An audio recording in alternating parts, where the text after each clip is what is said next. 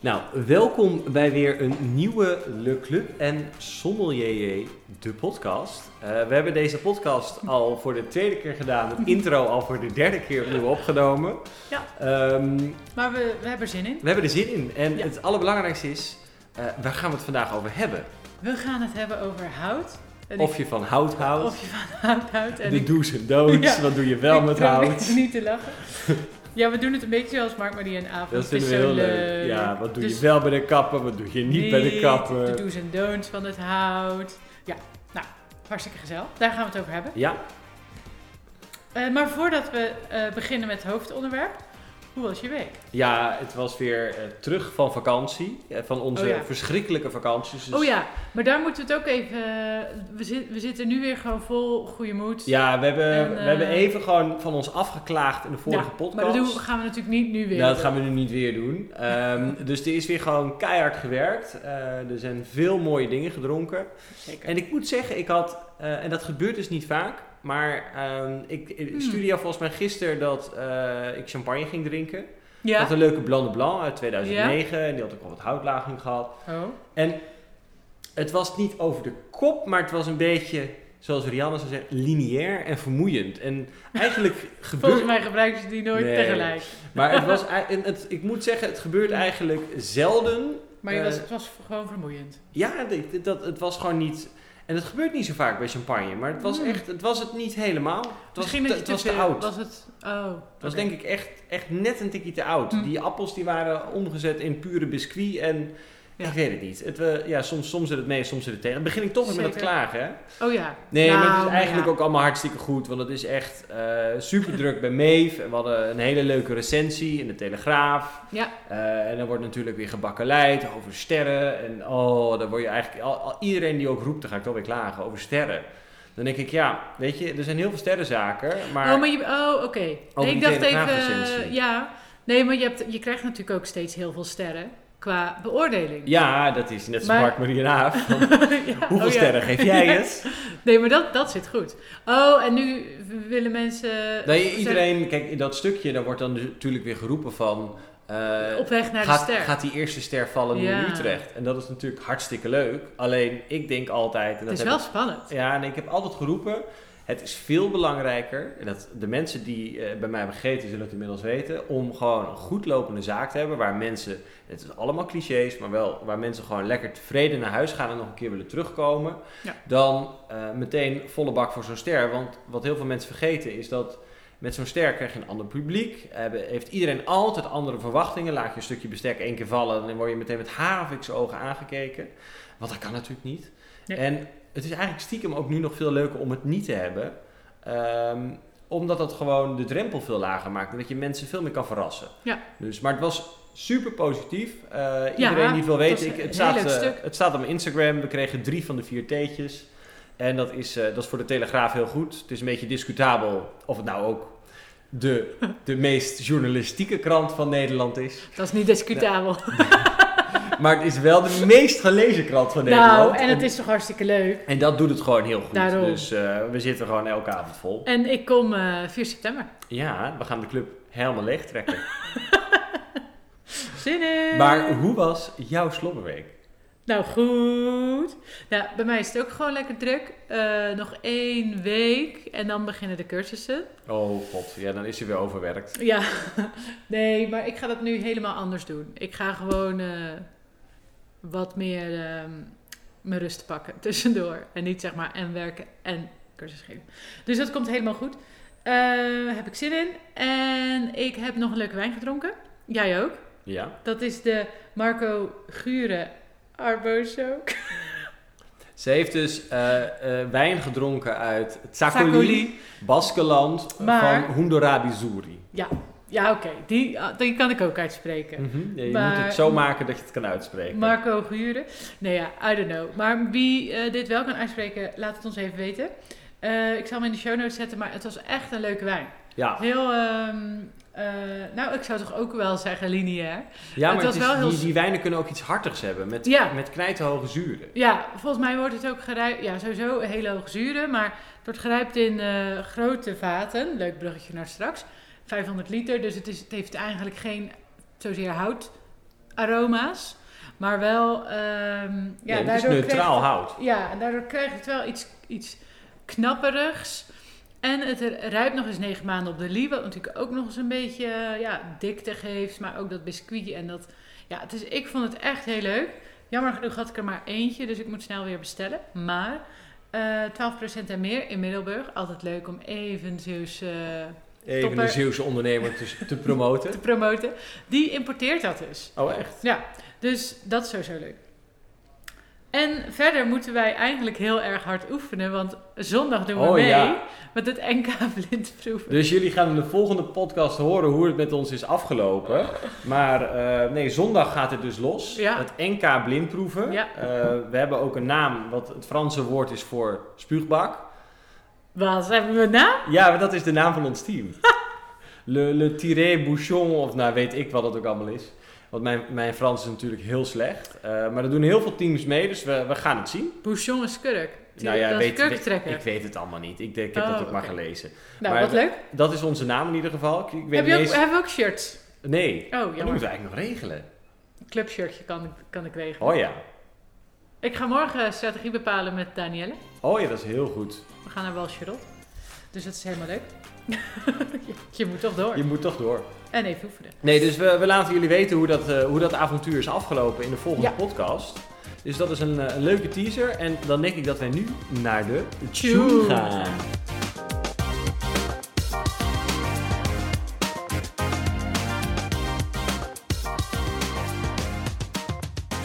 Want de do's en don'ts van, hout. Zo leuk, hè? Wat doe je met hout? Eh, we hebben of je van hout houdt, Ja. rijp maar raak. Ja. Het, het is, ja, We zijn helemaal leuk in de, in de woordspelingen. Eh, doe je ook mee? oh, die is heel goed. doe je ook, ook. Wel goed. Oké. Ehm, ja, we hebben een soort van structuurtje bepaald. Ja, want de vorige keer was het veel te veel van de hak op het tak. Ja. Hey, Zullen jullie nog- leuk. Op het tak. Oh, Oh, dit, gaat weer helemaal mis. dit is wel, oh, het is wel gezellig. Ja. Ehm, dus we beginnen even met eh, het begin, bij het begin. En dat is eh, dat we natuurlijk eerst een boom nodig hebben. Ja, en in Ja. dit geval een eik.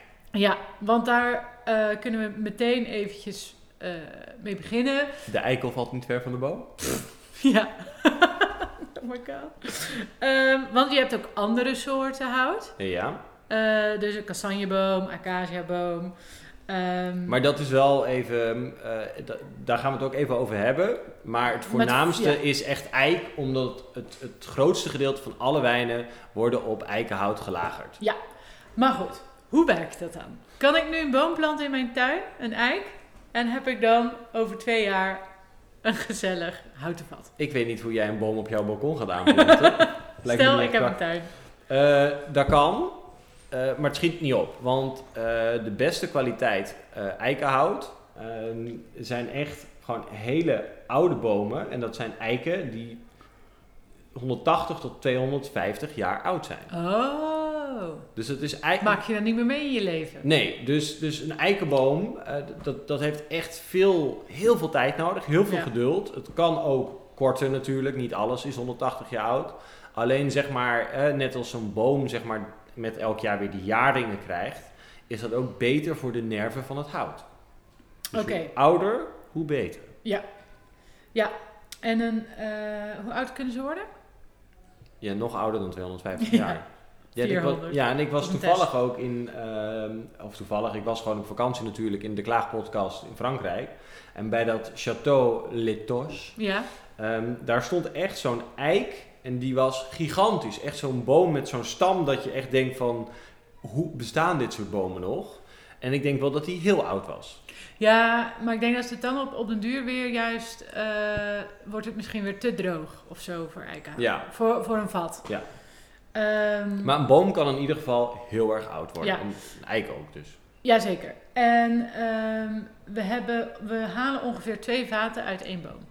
Ja, want meestal gelezen. kan dus één boom eh, genoeg hout leveren voor twee vaten van 225 Ja. liter. En dat zijn dus de klassieke Barriques. barriques.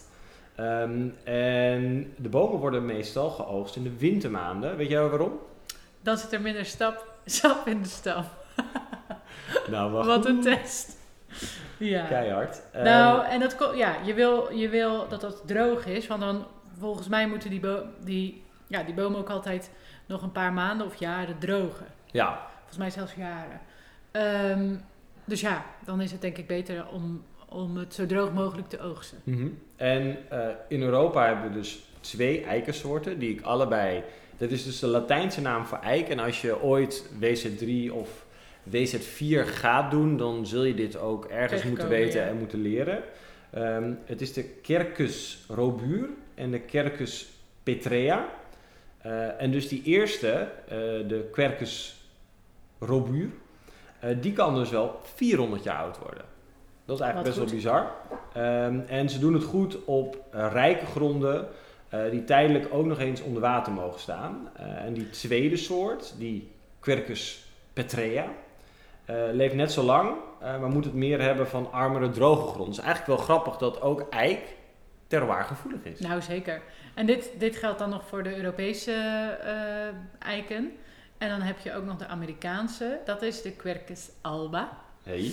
Ehm, en dat is wel grappig, daar gaan we het zo over hebben. Want dat is weer een heel ander... eh, dat geeft weer een heel ander effect aan de wijn. Ja, en dat is ook wat we aan de hand van voorbeelden ook zullen gaan onderbouwen. Van wat doet Amerikaans eikenhout qua aroma, qua tannine, qua structuur. En wat doet Frans eikenhout. En wat zijn dan klassieke van oudsher wijngebieden Ja. die specifieke soorten hout gebruiken. Mhm, mhm, mhm. Weet je wat leuk is? Bedenk ik me nu. Dus dat is weer lekker chaotisch. Maar het mag wel een beetje Het spontaan. mag wel. Klein beetje spontaniteit. Eh, dat wij ook een lijstje gaan maken eh, aan het einde. Nog meer huiswerk. Ik moet ook nog een blog schrijven over de boeren. Ja, waarom is die er nog niet? Ja, Mensen wachten daar. Van de week ga ik dat in de trein doen. Ah. Ik beloof het. Voor de volgende podcast heb ik een blog. En anders dan neem ik een fles wijn voor je mee. Oh, dat is goed. Champagne alsjeblieft. Ehm, Stuur me een link, koop ik alvast de fles. wat ik eh, denk dat leuk is, is dat wij een lijstje maken. Eh, maar ik weet er al wel een paar. En dat...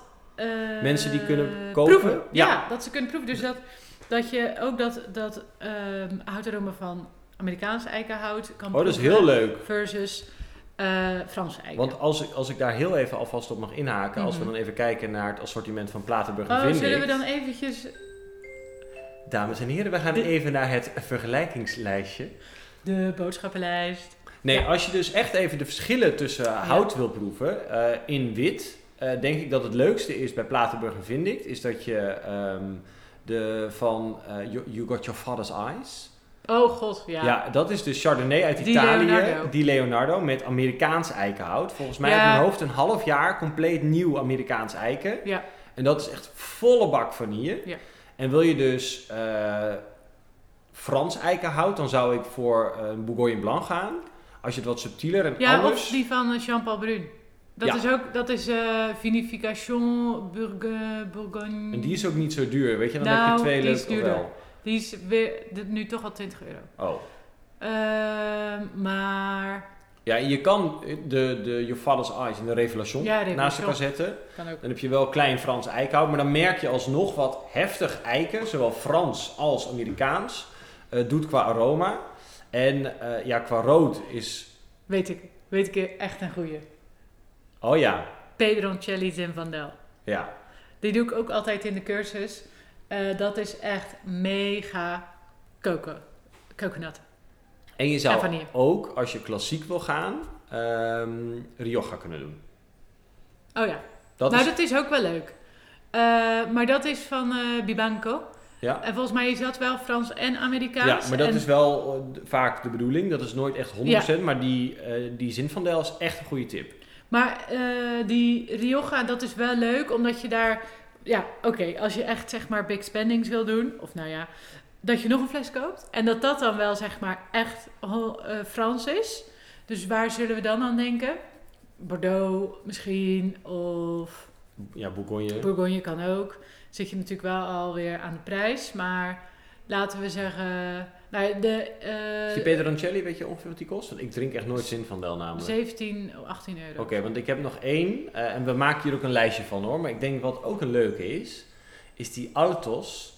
eh, die uit de Penedès of Catalunya. Oh, die Die- Oliva. ja, die, de Olivia, Altos de Olivia. Die, is 57. Die is 57. Ja, dat is wel grappig. En die heeft echt volgens mij 36 maanden Amerikaans eikenhout. En dat is Cabernet Sauvignon, Garnacha en nog een klein Tempranillo beetje Tempranillo. En dat is volle bak Amerikaans eikenhout, maar ook geouderd. Ja. Eh, en is gewoon super interessant ook qua prijsstelling. ja, die is zeker. Dus die nemen we ook mee in het lijstje. En dan, dan ja, ik zou... Maar ik denk dat het leuk is om inderdaad, zeg maar, eh, Bourgogne, Rioja en die Zin van Del en dan eventueel nog de Catalunya. Eh, want je ziet daar wel echt hele grote verschillen Ja. tussen. Dus dat is, dat is echt wel leuk. Nou, oké. We gaan dit in dat lijstje zetten, want ik heb nu alweer zin om dit blogje te schrijven. Ehm, maar ja, dat heb ik altijd eh, als ik bezig ben met iets anders. we, gaan, We gaan terug. we gaan terug naar het productieproces. Ja, want om erachter te komen hoe dat hout nou allemaal in die wijn komt, moeten we natuurlijk wel weten hoe een eikenhouten vat gemaakt wordt. Ja. En dat hadden we de vorige keer ook gewoon eigenlijk, nou ja, dat hadden we ergens wel verteld, maar toen waren we er ook wel weer klaar mee. Nou, wat ik in ieder geval als tip wil meegeven, en wat wij dus ook in de show notes moeten zetten, oh my god, komt dat goed, Ehm, is het filmpje van Wine Anorak. Dat heeft hij op, eh, op YouTube gezet. Ja? Een heel leuk filmpje over hoe zo'n vat wordt gemaakt. Ehm, dus dan zie, je, ja, dan zie je het gewoon van begin tot eind. Maar, ehm, weet jij het? Wil jij het uitleggen? Nee, jij, jij, bent, jij kan dit beter, denk ik. Jij, bent, jij, jij gaat wijncursussen geven, oefen alvast maar. Nou, maar ik ga nooit uh, eikenhouten vatcursus geven. Wel een hele club timmercursus. Dit is de timmercursus. Nou, wat er in ieder geval eh, gebeurt, is dat zo'n boomstam binnenkomt. En die wordt ehm, in duigen gezaagd. Dat is het toch eigenlijk? Ja. Steefs. Is dat duigen in het Nederlands? Doormidden, denk ik. In Duigen. Duigen? Ja, nou ja, dat zal wel een woord zijn. Ik weet het ook niet. Anyway, ehm, en ehm, dat gaat anders bij Europees hout dan bij eh, Amerikaans hout. Ja, want Amerikaanse eikenhouten bomen zijn langer. Oh ja, Waardoor eh, je dus meer en ook groter, waardoor je uit de Amerikaanse eik meer hout haalt dan uit een Europese eik. Oh, Wat meteen indirect ook verklaart waarom Amerikaans eikenhout vaak gemiddeld genomen goedkoper is. De kosten van een Amerikaans eikenhouten vat zijn vaak tussen de 3 en 600 euro. Waar die voor Europese en dan vaak Franse eikenhouten vaten, want die worden toch gezien als kwalitatief de beste, eh, tussen de, de prijs eigenlijk tussen de 600 en 1200 euro Ja. kan liggen. En het kan zelfs nog duurder zijn. Eh, maar dat hangt er ook weer helemaal van af. eh, Wie het van maakt Wie het maakt, het domein en eh, de keuzes. Nou, ik heb even het woord opgezocht. Ehm, Europese eik moet worden gekiefd Gekiefd. om duigen te maken. Aha. Dus duigen klopt wel. Ehm, en eh, Amerikaans kan dus worden gezaagd. En er kunnen dus meerdere vaten uit één boom worden gemaakt. Eh, bij, bij Amerikaans. En daarnaast ehm, groeit een Amerikaanse boom ook sneller. Dus vandaar dat het dus doorgaans goedkoper is dan Europees hout. Nou ja, dat, je kan het eigenlijk het beste zien op dat filmpje. Want die, die duigen die moeten dan natuurlijk heel precies aan elkaar worden eh, gem- Ja. gemonteerd. En dan nou ja, komt er zo'n soort van eh, ronde eh, metalen band omheen bovenin. En dan gaan ze branden. Daar gaan ze het branden. Ehm, En dat is al vorens ze eigenlijk dat hout ook al voor een hele lange periode hebben laten drogen. Ja, tuurlijk. Ehm, nou ja, en dan is er natuurlijk alles is erop gebrand.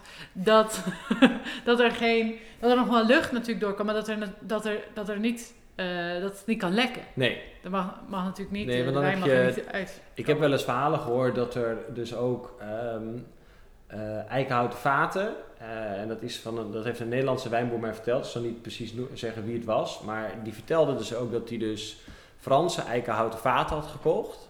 Eh, maar dat die Fransen zoiets hadden gedacht van, ja, Pinot wijn. Nederland, het, zal wel. Ehm, en die vaten waren dus eigenlijk ook gewoon niet heel goed, waardoor die wijn een beetje onzuiver is geworden. En die Ah. dus ook letterlijk twee vaten heeft kunnen weggooien. Ah, Dat was wel echt eigenlijk gewoon sneu, omdat die Fransen de boel niet serieus namen.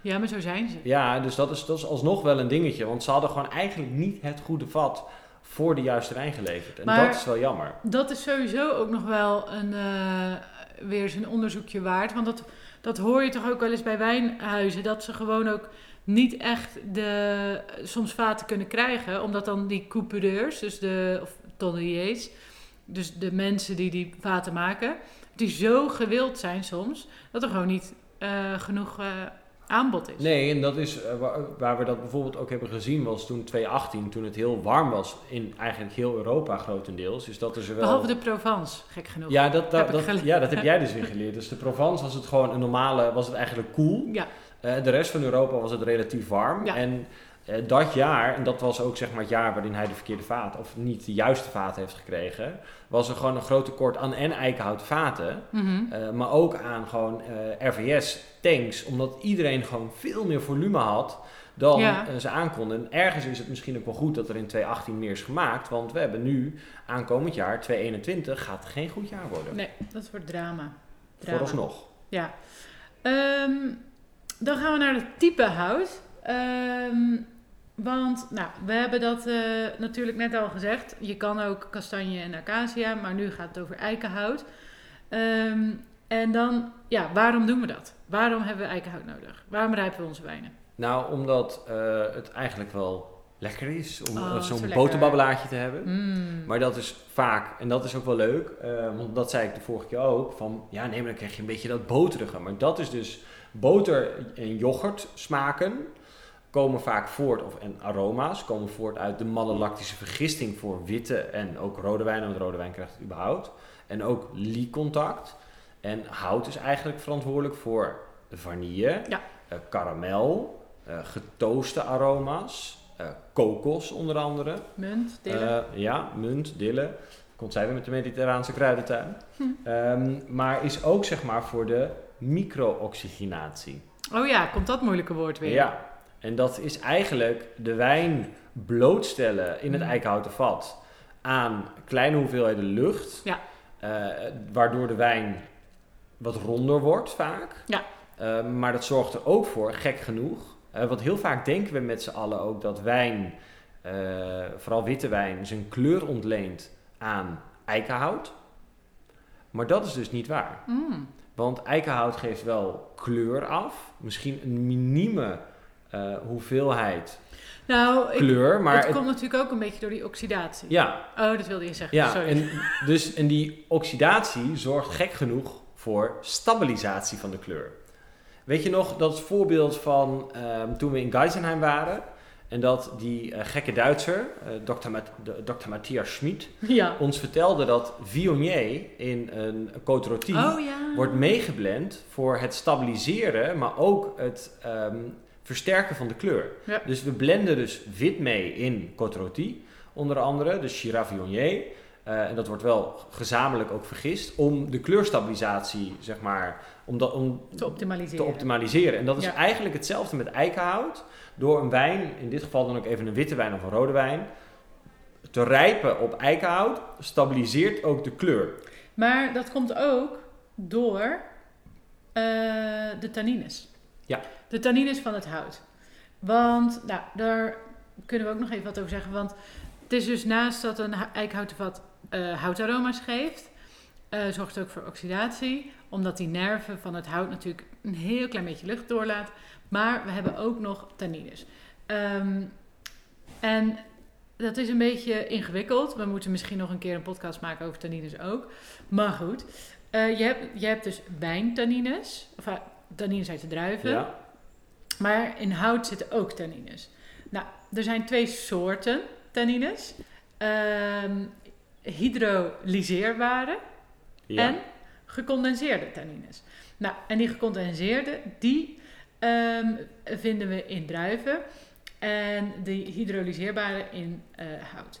En ehm, eigenlijk gaat het vooral om die druiventannines. Die proef je, dat is wat je ervaart dus als je een wijn drinkt. Schillen, pitten, stelen.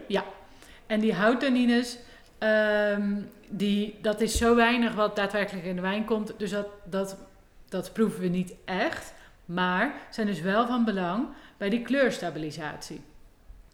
Ehm, dus, dus we hebben ze wel nodig. En eh, wat ook nog eh, belangrijk is om daarbij te zeggen, is dat als je natuurlijk zo'n wijn in een vat eh, stopt. En je krijgt dus een beetje toch van die, ehm, ja, die, die, die smaken van het hout, maar ook die tannines. dan moet die wijn die in dat vat zit wel goed geconcentreerd zijn. Moet wel veel smaak hebben. Moet wel zeg maar wat body hebben dat het dat aan kan. Ja. Wat anders, ja, hou je niks over. Toch? Mhm. Dit is wel heel interessant hoor. Het is ook wel, maar dan even een hele moeilijke waar we waarschijnlijk niet het antwoord op hebben. Oh. Wat zijn dan de tannines van thee? Nou, dat is vol. Je bedoelt of dat hydrolyseerbaar of Ja. gecondenseerd is. Volgens mij is dat hetzelfde als wat er ook in druiven zitten, want het is, dat is, Het is een plant. Het, het is een plant. Oké, ja, nee, dat zou wel de meest logische verklaring zijn. Dus, maar dat is ook, ehm, als je dus benieuwd bent, eh, en dat hebben we ook wel eens vaker gezegd, en hoe proef je nou tannine? Want dat is best wel moeilijk. Is het fijn? Is het, zijn het groene tannines? Eh, maar dat, het, het makkelijkste voorbeeld om gewoon eerst tannine als leek waar te nemen, is door gewoon een, een kopje thee te lang te laten trekken. En dan krijg je dus tannine, want je kan wijn wel heel lang laten staan eh, in je Nou, glas. of op een druivenpit bijten. Ja, of dat is ook zo'n... bijvoorbeeld een orange wine. Dat is ook altijd ook een, al? dus dan heb je ook tannine. En Ja. rode wijn met gewoon veel schilextractie. Eh, en ook een wijn die bijvoorbeeld veel tannine heeft, is eh, Barolo. Ja. Eh, alleen dat is nogal vaak aan de prijs. of dus, tannat. Tannat. Dus als je echt een keer een tannineuze wijn wil proeven, Tannat, hele goeie. En dan Ja. ga je zo'n bruggetje naar maken. Of Nebbiolo. Nee, ik wilde alleen zeggen over tannat. eh, dat is de meest tanninerijke wijn. Druif van de wereld. Ja. Had ik even eh, opgezocht. En de meest aangeplante druif in Uruguay. Nou, Hey. en? Waar nog meer? Eh, de Cahor. Nee, dat is Malbec. Ehm Zit Madiran. wel- Ja. In Kouwer heb je wel, mag je wel een beetje tannat gebruiken. Gek genoeg mag je daar of tannat bij de Malbec doen, of Merlot. Oh, dat is ook weer typisch. Dat is heel typisch. Huh? Maar goed, wij gaan weer door. Doe, doe, doe. We gaan door naar de oorsprong van het hout. Oh ja. Toch? Ja, en Je dan... kijkt me aan alsof je denkt, klopt niks van. Ja, nee, we gaan, want we gaan dus eh, naar Frans, Amerikaans en ook Slavonisch. Slavonisch. Slavonisch eikenhout. En ik kreeg daar dus... Ik had dus vanochtend een discussie...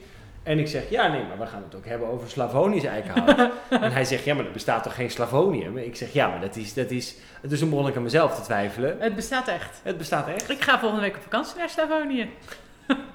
nee hoor. Ehm, nee, ik ga eh, daar niet heen, maar het bestaat wel. En het is in het noordoosten van Kroatië. Het is een bos. Ja? En dat verklaart dus ook waarom het zo populair is nou, daar, maar ook vooral in Italië. En daar gaan we het zo over hebben, want we gaan het in logische volgorde doen. Dus Mm. we starten bij Frans eikenhout. De oorsprong van Frans eikenhout. Eh, de oorsprong van het hout, nou, de, Nee, de smaak. de smaak, ja. Eh, het is subtiel, eh, kruidig. Ehm, en het leuke is, of het leuke, maar Europees eikenhout ehm, heeft wat minder, Meer. meer tannine dan Amerikaans Ja. weer. Dat is ook wel weer... Ja, dat is gek, maar het is echt zo. Amerikaans hout heeft, heeft juist meer levels, hogere, een hoger niveau van lactone, Ja. lactones. Lactones. Wat zou dat in Nederlands zijn? En dat verklaart het aroma van ehm lactonen, van coconut. En dat, heeft, al maar, en dat is ook deels heeft het te maken met de nerven van het hout. Omdat Mhm. Amerikaans eikenhout wat poreuzer is dan Mhm. Frans eikenhout. Ja, dus En het dat laat dan meer los of zo. Laat meer los en zorgt voor een snellere ox- micro-oxygenatie. Ja. Ehm, maar ja, ik vond het interessant dus ook wel weer om te lezen dat eh, Europees hout dus wel wat meer tannines heeft. Ehm, maar het ligt natuurlijk dan ook wel weer aan de eh, toasting. ja. Ehm, want eigenlijk, nou, de- we gaan nog even straks wat dieper in op die smaken. Maar het is niet zo dat, dat zeg maar Amerikaans hout in alle gevallen meer smaken afgeeft eh, dan Frans. Het is wel zo van, vanuit, vanuit de basis, zeg maar. Het is eh, als, je, als, je hem, eh, als je een soort van dezelfde toasting zou gebruiken. Zo. Maar die toasting is heel erg belangrijk. Van, eh, daar gaan we het zo over hebben, want ik weet dat niet meer. Jij wel. Mhm. En de leeftijd is natuurlijk heel erg van, van, belangrijk, van belang. Want hoe ouder een vat, hoe minder smaak die afgeeft. Moeten we... Ja, dus eigenlijk een eikenhouten vat verliest meer dan de helft van zijn smaak Ja, na het eerste Na jaar. het eerste jaar al. Dus eigenlijk kan je een eikenhouten vat vier jaar gebruiken. Mhm. En eigenlijk in jaar vier ehm, is het vat nagenoeg ne- bijna neutraal. Eh, en heb je Ja. alleen maar het effect van eh, oxidatie. Door het feit dat hout een natuurproduct is. Ja. Maar daar komt ook nog eens bij kijken dat, dat, ook, dat die oxidatie bijvoorbeeld soms ook sneller kan verlopen. Omdat als je een eikenhouten vat vier jaar gebruikt, kan het ook poreuzer worden, het Oh, hout. ja. Waardoor je meer verdamping hebt. Ja. Dus dan kan ook dat proces sneller gaan. En wat eh, een voorbeeld is, eh, waar we het niet heel uitgebreid over gaan hebben, is bijvoorbeeld eh, kastanjehout. En dat, dat chestnut. Eh, kastanjehout is heel poreus. Mhm. En dat moet je dus aan de binnenkant een soort van ook nog een coating geven, Ja. extra. Want als je dat niet doet, dan, is, dan kan je er wel wijn in doen, maar dan ben je het ook net zo snel, nou ja, niet alles is weg, maar je verliest wel een Ja. hoop. Ja, met paraffine of zo dus Ja. dat toch? Ehm, dat klopt. Ehm, terug naar eh, het Franse hout. Dat wordt dus vooral gebruikt nou, in de oude wereld en uiteraard door Frankrijk. Ehm, je ziet sowieso een wereldwijde trend eh, naar grotere vaten of naar gebruikte vaten. Omdat we steeds meer ehm, ja, het terwaar willen laten spreken, de authenticiteit van het gebied willen. Nee, je ziet het bijvoorbeeld, eh, we hebben natuurlijk twee stromingen in Barolo, en daar hebben we het over, in de Barolo-podcast over gehad, maar daar zie je dus ook het gebruik van, dat is ook een bruggetje naar zo, groot Slavonisch eikenhout. Ja, dat klopt. Maar ook de, de gewone barriques, eh, er zijn er steeds meer En je die... ziet het ook veel in Zuid-Afrika inmiddels, in Swartland. Oh ja, Alweer zie je meer ook tegenwoordig grotere eikenhouten voeders. ja, Eh, Duitsland wordt er ook veel op die manier gewerkt. Eh, bijvoorbeeld voor, voor Rieslings op neutraal. mhm. Maar ook voor Pinot Blanc of Pinot, Pinot Gris. oh ja. Dus Weiss en Grauburgunder op groot eikenhout. Om toch iets meer rondheid aan die wijnen mee te geven. Zonder het, het heel erg oaky eh, Ja. te laten overkomen. Ja, nou en als je dan ehm, weer je bedenkt dat die Amerikaanse houten vaten toch wat meer smaak over het algemeen eh, geven, ehm, dan kan je je ook wel voorstellen dat daar dus een wijn no- voor nodig is die ook wat meer eh, intensiteit en concentratie van zichzelf heeft. Ja. Die ook wat zwaarder is. Vaak ook wat hoger in alcohol is. Eh, een Bourgogne zou je niet zo snel op, op Amerikaanse a- eh, eikenhout zien. Nee, nee, ik denk dat ik... Ik heb eigenlijk nog nooit een... Ik, het, ja, dat zou heel raar zijn. Maar die Fransen zijn sowieso al heel chauvinistisch. Dus Klopt. Dus dat zie zou- het ze niet heel snel doen. Maar, Maar goed, ook niet een, een Pinot Noir uit een eh, ander land. Pinot Noir en Amerikaans hout. Ik zie het niet vaak hoor. Misschien Californië. Nee, ja, het lijkt me ook niet echt. Het is hetzelfde Het is geen als dat match. ik ooit een, een Pinot Noir had die 24 maanden eikenhout had gehad. Dat ik dacht van waarom doe je dat? Oh ja. Als nee. je alles wil verbloemen wellicht. Maar ik, dat is... Dat, Dat is gewoon te heftig, want je proeft dan echt niks meer van de druif. Laat staan eh, dat je nog iets van en de je krijgt oorsprong ook meemaakt. natuurlijk dan juist ook extra tannine uit eh, het hout. Ja, dat zal dan nog wel, langer. en eh, dat, dan heb je gewoon te veel extractie. Als Ja. je ook al extractie van en de druif hebt, eh, maar ook nog meer extractie van het hout. Ja, Kijk, en voor wijnen die heel veel tannine hebben, kan het ook eh, door het rijpen op vat, zeg maar, kunnen die tannines wat zachter worden, wat ronder, voornamelijk voor rood. Maar voor lichte rode wijnen is het juist, die krijgen dan nog meer smaken erbij. En dat is wat je natuurlijk niet wil. nee, dan overstemt de, het hout de wijn. Ja. Dat wil je niet. En dat is ook het gevaar geweest toen in Barolo van veel producenten. Nebbiolo is natuurlijk wel een krachtpatser. Ehm, maar het is een heel delicaat smaakprofiel. En als je dat combineert met nieuw Frans eiken, ook al is het Frans, maar wel nieuw, ja, dat, dat kan eigenlijk gewoon die druif niet echt hebben. Nee. Dat doen maar heel weinig eh, eh, producenten in Barolo. Oké, Sissa. Ehm, dus, waar vinden we dat? Voornamelijk Argentinië, Rioja, Californië, Australië, Australië. Oh ja, Shiraz, Shiraz. Zeker. En in, in Europa is het meest klassieke is eigenlijk gewoon... Je ziet het af en toe ook wel een beetje in Nederland. eh, maar je ziet het vooral in twee hele bekende Spaanse wijngebieden. Rioja en Ribera del Duero. Dat is die. Ja, dat is.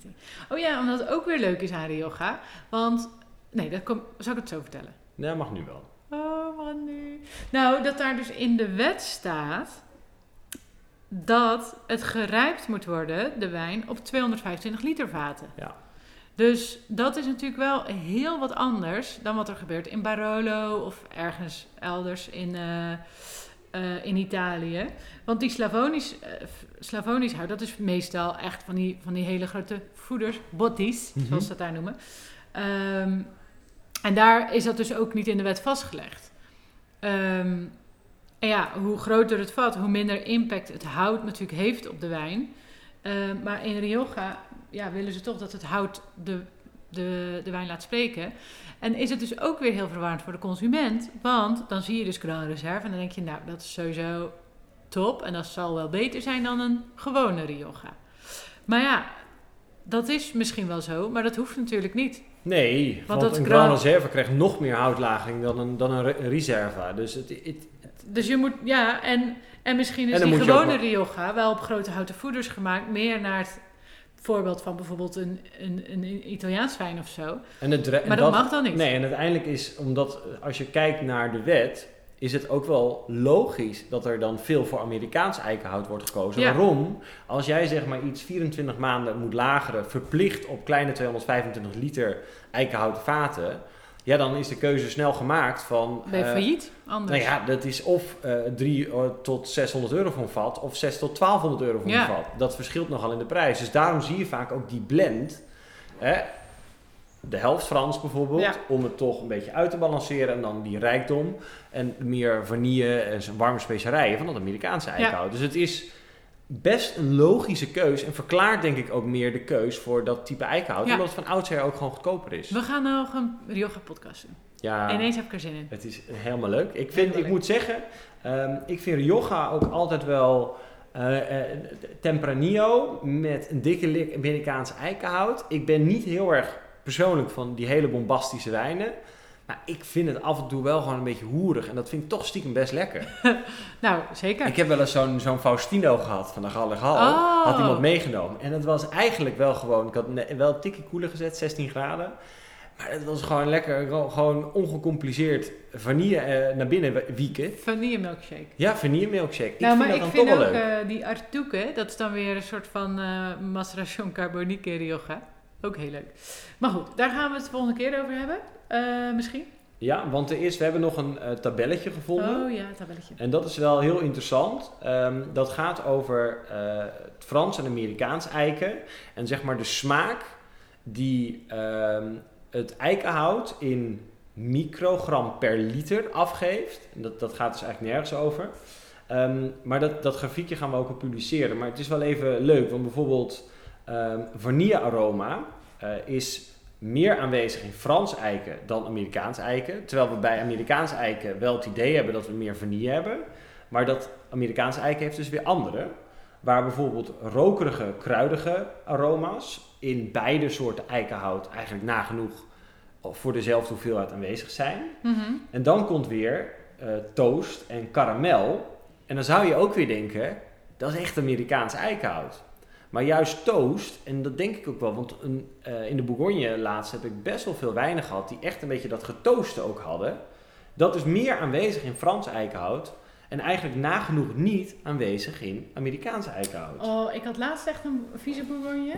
Ugh. Oh. Die, was, die had zoveel hout. Ja, ik heb eentje ook ehm, per glas bij Meef uit de Maconnais. Maar ook echt een dikke lik vanille. Het is wel wat mensen lekker vinden. het ja, is iets ja. Dat zei eleganter ook. Dan de nou, Revelation. Mij niet bellen. Maar het is wel heftig. Ehm, en dan hebben we natuurlijk nog eiken, kokos en mintachtige Ja, aroma's. dat is wel echt een big difference. Ja, want dat is wel aanwezig in Frans eiken. 500 microgram per liter. Maar 1500 microgram per liter in Amerikaans eikenhout. Dus dat verklaart zeg maar eiken, kokos, mint.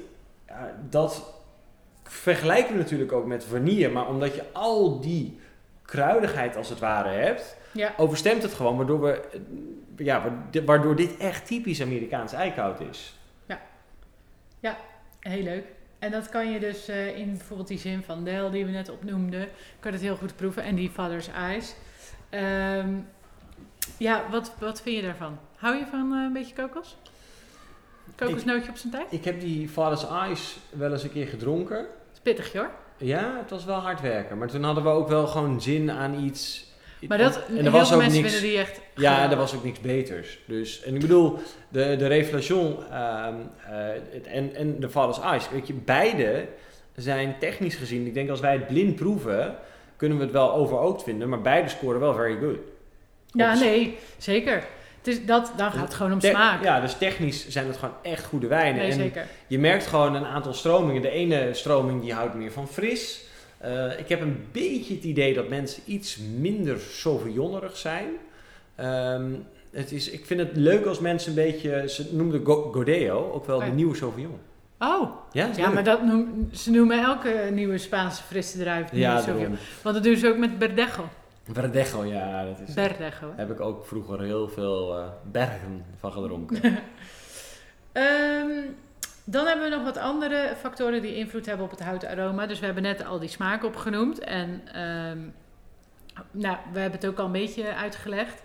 Eh, minder, houtgebruik, ge- minder houtgebruik geeft minder aroma's af aan de wijn. Eh, en daardoor is het meer ondersteunend. Dus nou, maakt het bijvoorbeeld wat ronder van smaak door die oxidatie. Eh, maar het is niet zozeer smaakbepalend. En eh, een lichtere toasting heeft soms hetzelfde effect. Ehm, wat is ook alweer de toasting? Moeten we dat nog even uitleggen? Ja, je kan, ehm, het is de mate waarin een vat dus gebrand wordt. En dat kan je licht, medium en zwaar doen. Mhm. En een lichte toasting, zoals de naam ook wel zegt, zorgt ook voor lichtere aroma's in de wijn. Medium toasting zorgt eigenlijk voor de meeste smaak die je terugkoppelt in, zeg maar, die je terugkrijgt in de wijn. Mhm. Wat een beetje gek klinkt, maar het, het is een beetje tegenstrijdig, maar het is echt zo. Waar een zware toasting, waarbij je eigenlijk denkt van, oh, daar zou je de meeste smaak hebben. Je krijgt daar wel veel smaak, maar andere soorten specifieke smaak. Dus eigenlijk Ja, zorgt medium dat je de best of both worlds hebt. Dus want bij, bij een zware toasting dan, dan kan ik me voorstellen dat het heel erg dat rokerige wordt. ja, En dat er misschien wat anders wegvalt. Ja, dat snap ik op zich wel. Ehm, nou, dat is van belang. Dus die toasting is heel belangrijk. Leeftijd is heel belangrijk. En de grootte. Dat, maar dat hebben we eigenlijk al... eh, ja en dan nog even terug te komen op die zware toasting. Eh, hier eh, vinden we in de geur minder duidelijk dus die houttonen, maar meer karamel, koffie en gerookte geuren. Ja. Omdat het echt ook, dat is logisch, want dat vat wordt gewoon langer in de fik gestoken. In de smaak minder droog, niet elegant, maar wel bitter. En eigenlijk is gewoon medium, is ook ja, hetgeen klinkt wat je... ook niet lekker. Het klinkt niet lekker, maar medium, eh, bij medium heb je gewoon echt gewoon. Je ziet ook uit eigen ervaring spreek ik dan, bij de meeste wijndomeinen altijd medium getoast vaten. Nou ja, of het ligt er denk ik nog wel aan wat ze natuurlijk ermee willen. Want door die medium toasting dan krijg je nog wel dat hout natuurlijk mee. Maar een lichte toasting die zal er denk ik meer voor zorgen dat het ondersteunend is. Ja, want daar vind je dus bijvoorbeeld een lichte toasting, vind je ook vanille terug in de smaak, herkenbaar hout, eh, een beetje bitter, eh, een licht drogende smaak. Ja. En dan heb je nog, maar daar gaan we het niet over hebben, er is ook nog een soort van medium minus en medium Ja, plus. I know, Ja, I net know. als, net als met een proefnotitie voor WZ4 eh, is dat ook wel een dingetje. Dus weet je, uiteindelijk ehm, denk ik ook als je vooral kijkt naar wijnmakers uit de Bourgogne, dat die ook echt, en eh, überhaupt wijnmakers die gewoon specifiek met eh Bourgogne eikenhout vaten werken, dat ook echt eikenhout vaten eh, op een speciale wijze wordt gemaakt. Eh, en dat dat dus ehm, heel belangrijk is. Dat de wijnmaker zeg maar zijn eigen stijl en eigen voorkeur aangeeft. Ja. En dat dat dus ook bepalend is. En dat je dan dus ook weer geouwe hoe krijgt van bijvoorbeeld een Richard Kershaw die een speciaal algoritme ontwikkelt voor de toasting van zijn eikenhouten vaten. Dus zover kan je erin doorgaan. Zo, ja, je kan er echt in doorslaan. Nou, ik weet nog iemand die erin door is geslagen. En ehm, die, moet, die ben ik aan het opzoeken. Ik was op een eh, proeverij bij, van Herman Wines. Maar hij staat nog niet online, denk ik. Ze hebben een nieuw champagnehuis. Die echt gewoon... Wij moesten dus de Vin Clairs proeven. Ja? En die hadden allemaal verschillende rijping gehad. Op eh, verschillende getooste houten vaten. Nou, ik werd helemaal gek, want dat moesten we in, in een soort een half uur moesten we 15 wijnproeven. En dan Van Clairs, dat zijn Van natuurlijk dat zijn de basiswijnen van champagne. En die zijn zo knijterzuur. Ja, maar omdat er ook een aantal bij waren die echt, echt al best lang op de lie en eh, ge- eh, op, de, eh, op een vat lagen, ja, smaakte dat soms ook weer net als een Bourgogne. Waren er een paar bij. Ook een paar waren ook echt gewoon zo zuur als ik weet niet wat, want die hadden heel kort gelegen. Ehm, maar volgens mij staan ze nog niet eh, Oh, online. dat is wel Hij leuk. heeft wel Hello Kitty champagne. Ja, die wil ik nog een keer Die hebben. moeten wij een Die keer moeten we een keer hebben. We gaan echt, we moeten de Hello Kitty champagne. Ja, zo leuk. Maar goed, ik ga daar nog even achteraan, want dat is ook leuk om een keer te vertellen. En sowieso om daar een podcast over te doen, want echt... Of Hello Kitty. Nee, over die andere. Ja. Want daar, eh, ja, dat was gewoon echt, echt très interessant. Oké, ehm, wij hebben nog, nou ja, ik denk dat ons eh hout...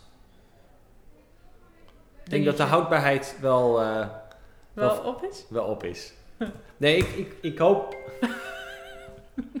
ik hoop vooral dat het, een, dat het een duidelijk verhaal is. En Mm. dat voor iedereen ook een beetje duidelijk is wat verschillende typen hout, houtlagering doen met de wijn. Waarom die dingen zijn zoals ze zijn. Eh, en dat hout ook gewoon heel bepalend kan zijn. Ehm, en dat, waarom je het bijvoorbeeld wel of niet lekker vindt. Waarom de een gek is van Bernardus en de andere een ABC, Anything But Chardonnay. Omdat ze dat dan associëren met veel hout. Hmm. Ehm, dus hout is er in vele soorten en maten. Ja. Eh, verschillende soorten toastings Uit een ander vaatje getapt. uit een ander vaatje getapt. Ja, en dat, ehm, ik denk dat we, dit hebben we goed, dit is veel meer structuur deze keer. Ik Ja, denk dat lekker. het echt wel duidelijk was. Ik vind het leuker. Ja, Ehm, we kunnen ook met, bij deze gelijk beloven dat we dus ook nog een podcast gaan maken over de andere eh, rijpingsmogelijkheden. Want je kan ook rijpen in beton, roestvrij staal, amforen potten. eh, terracotta, en dan hebben we nog die, ehm, die glazen dingen, demijohns. demijohns. Ook leuk. Ja, want er zijn nog zoveel andere manieren. Ja. Eh, en dan gaan we het Op de zeebodem. op de zeebodem. Dus we gaan het hebben over rijpingsmogelijkheden. Rijpingsmogelijkheden. Rijp En of, Rioja? Rijp of on? Nee, dat, ik- we gaan er nog een leuke tit- werktitel voor bedenken. Ja. Komt goed. Eh, dus rijpen, Rioja en Barolo deel 2 moet ook nog steeds. Ja, die gaan we nog maken. En dan, maar dan moeten de verschillende producenten ook geproefd worden. Dat is Ja. heel belangrijk. Vooral voor het podcastpanel. Ja. Ons. Podcastpanel. Nu Oh, mag ik je echt het- het de deun inzetten. Ja. De deun. Dames en heren. Welkom bij de Knipselmand. Ja, ik had een, eh, een heel leuk artikel eh, in Decanter. Ja. Eh, Albarino versus Alvarinho. Eh, en dan one grape variety, two countries, but what's the difference? Hmm. Uh, we tasted 83 of terroir-led white wines from Spain and Portugal and found that it's all to do with the granite and the climate. Ja. Nou, dat is echt een, een, een leuk artikel. Ehm, en wij waar- zijn natuurlijk gek op Albarino. ja, we hebben natuurlijk niet voor niets die Albarino-podcast gemaakt. Dus wil je nog even meer weten over Albarino, check dan sowieso even de podcast. Ja. Ehm, en wat wel leuk was, is dat eh, twee van onze favorieten... Nou, en eigenlijk ook deze. Ja, dat, is, dat, Oh, is, je- dat, is, oh. die ook hoor. Oh. Echt de hoogste score hadden gekregen in het artikel. Ja. Eh, de Vega Princessa, Ja. 96 punten. Eh, Onze prinses. Onze Zat prin- ook een keer in de proefbox. Ja, we hebben, ik, ben, ik vind de prinses ook altijd heerlijk.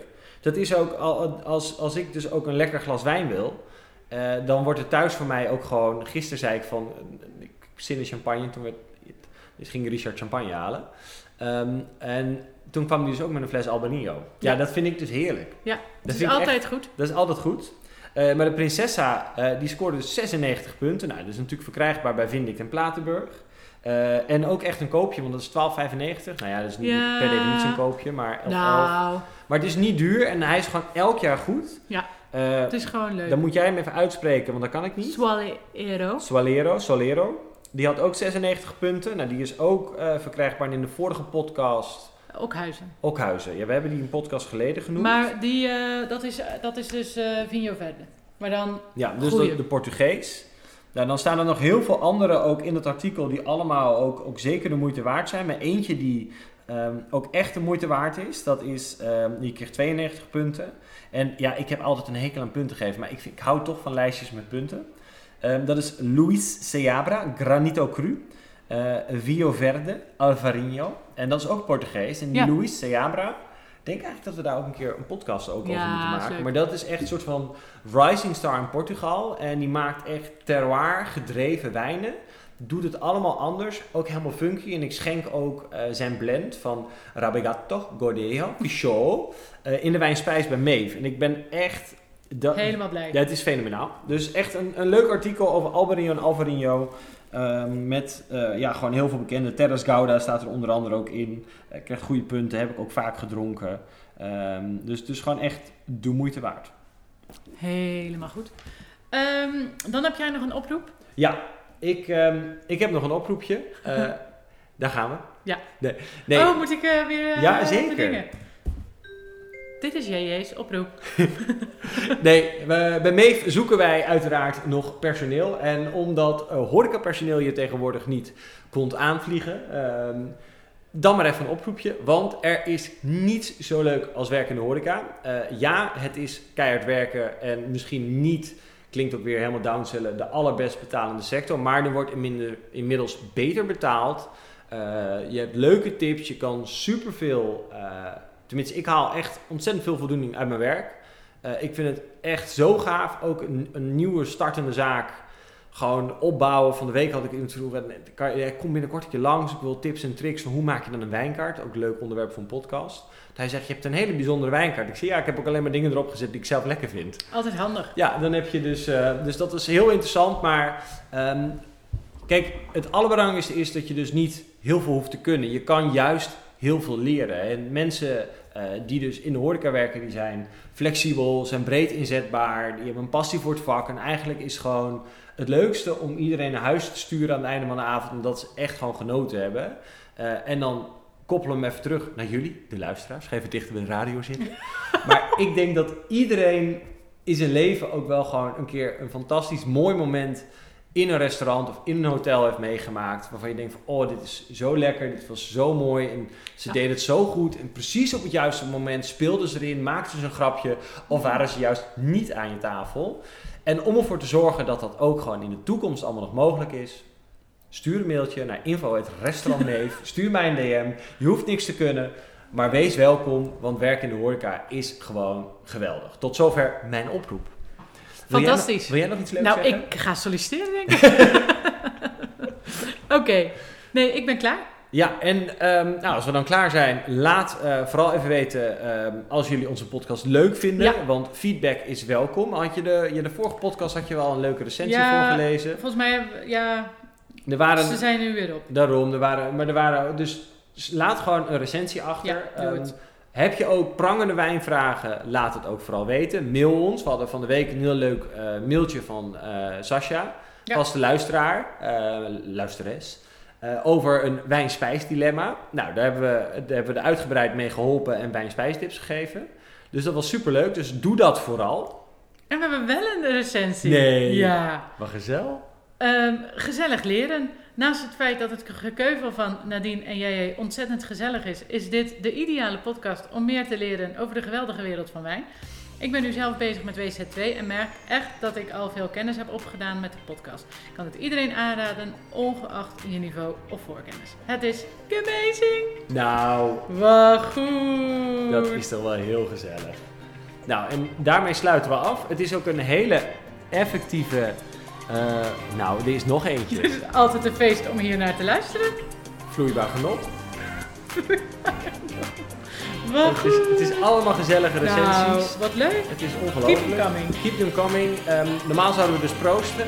Ja. Maar omdat Dus- we echt moesten focussen, Ja, is het klaar. is het klaar. En eh, bedankt voor het luisteren. En tot de volgende. Joe!